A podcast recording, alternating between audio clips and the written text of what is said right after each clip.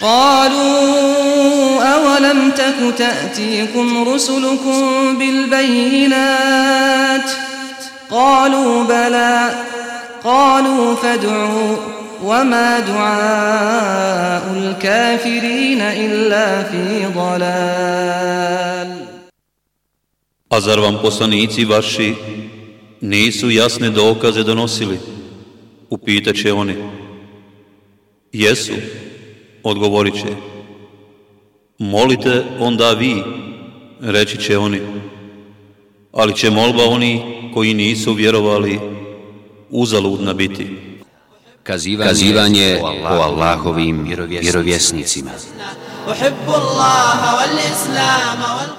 Kazivanje o Ishaku selam i Jakubu selam. Isak je rođen 13 godina nakon rođenja Ismaila. Njegova majka Sara imala je 90 godina kada joj je došla radosna vijest da će ga dobiti. Uzvišeni Allah kaže I obradovali smo Ibrahima Ishakom, vjerovjesnikom i dobrim čovjekom i blagoslovili smo i njega i Ishaka a među njihovim potomcima ima i vjernika i očitih nevjernika. Uzvišeni Allah ga pohvalno spominje na više mjesta u svojoj časnoj knjizi. Ehlul Kitabije navode da je Ishak imao 40 godina kada je oženio Rebeku, kćerku Batuela. Ona je bila nerotkinja, pa je on uputio dovu Allahu uzvišenom i ona je zatrudnjela. Rodila je dva sina blizanca. Prvi je Ezav, a Arapi ga nazivaju El Ais i on je predak Bizantinaca. Drugi se rodio držeći brata za petu, pa su ga nazvali Jakub.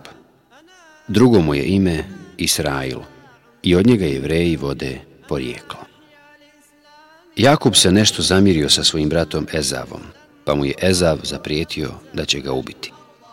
Kada je majka čula kako Ezav prijeti Jakubu, nagovorila ga je da ode kod njenog brata Labana u Haran i da tamo ostane dok se Ezav ne odljuti.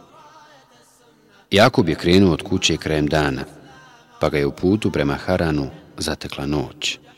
Uzeo je jedan kamen, stavio ga pod glavu i zaspao. Tu noć usnio je ljestve, postavljene od zemlje do neba, uz koje su silazili i penjali se meleki. Tu je usnio i uzvišenog gospodara, kako mu govori. Blagoslovit ću te, daću ti brojno potomstvo i ovu zemlju podariti tebi i tvojim potomcima poslije tebe. Kada se probudio iz sna, obradovao se zbog onoga što je sanjao i zavjetovao se Allahu da će, ako se vrati kući zdrav, na tom mjestu sigurno napraviti hram i da će radi Allaha uzvišenog izdvajati desetinu od svega onog što mu on podari. Zatim je prišao onom kamenu i obilježio ga uljem, kako bi ga mogao prepoznati. A to mjesto nazvao je Betel, Allahova kuća. Oni dalje kažu, kada je Jakub stigao Dajđi u Haran, vidio je da ima dvije kćeri, stariju Leu i mlađu Rahelu. Rahela mu se svidjela, pa je Laban pristao da mu je da za ženu, ali pod uvjetom da mu prethodno sedam godina čuva stoku. Kada je prošao rok, njegov dajđa Laban je pripremio gozbu i sakupio svijet. Ali na večer je on Jakubu uveo svoju stariju kćer Leu, koja je bila ružna. Kada su osvanuli, Jakub je vidio da je to bila Lea, pa je upitao svog dajđu. Zašto si me prevario? ja sam Rahelu zaprosio, a on mu je odgovorio. Kod nas nije običaj da udajemo mlađu prije starije. Ako želiš njenu sestru, služi mi još sedam godina, pa ću te njome oženiti. On je to i ispunio, pa ga je nakon toga, pored Leje, oženio i Rahelom. To da dvije sestre istovremeno mogu biti udate za jednog čovjeka, bilo je kod njih dozvoljeno a zatim je dokinuto te vratom. Laban je objemak kćerama poklonio po jednu sluškinju. Lej je dao Zelfu, a Raheli Belhu. Allah uzvišen je Lejinu Mahanu nadomjestio time što joj je dao da rađa djecu. Tako je rodila sinove Rubila, Šimuna, Lavija i Jehuzu. Rahela je bila nerotkinja, pa je zbog toga na Leu bila ljubomorna. Zato je svoju sluškinju Belhu poklonila Jakubu, koja mu je rodila sinove Dana i Neftalija.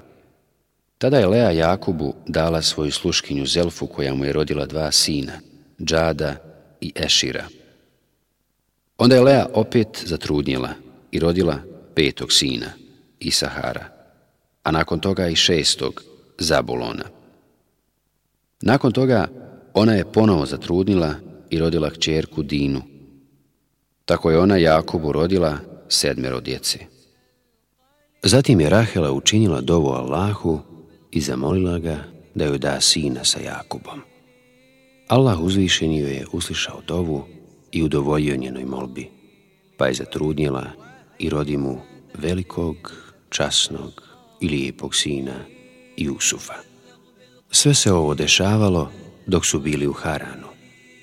Nakon što se oženio i drugom kćerkom svoga Dajđe, Jakub je još šest godina ostao u Haranu.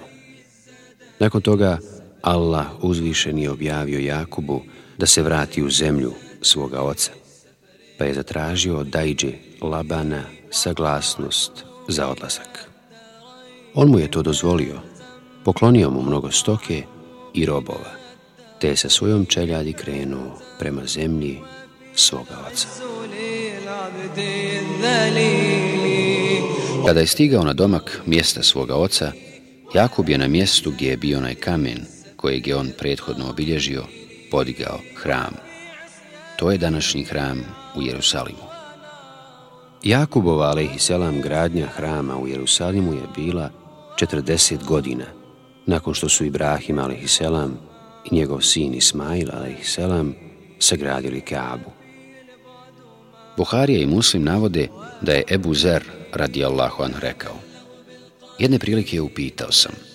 Allahu poslaniče, koji hram je prvi izgrađen? Kaaba, odgovorio je. A ja sam ga opet upitao. A zatim, El Mesjidu Laksa. Između gradnje ta dva hrama proteklo je 40 godina. Jakub a.s. se zatim vratio svome ocu Isaku a.s. i nastanio kod njega u Hebronu.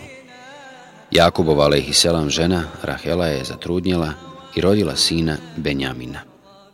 Međutim, imala je veoma težak porod s njim, pa je nakon toga umrla. Ishak a.s. se zatim razbolio i umro u 180. godini života.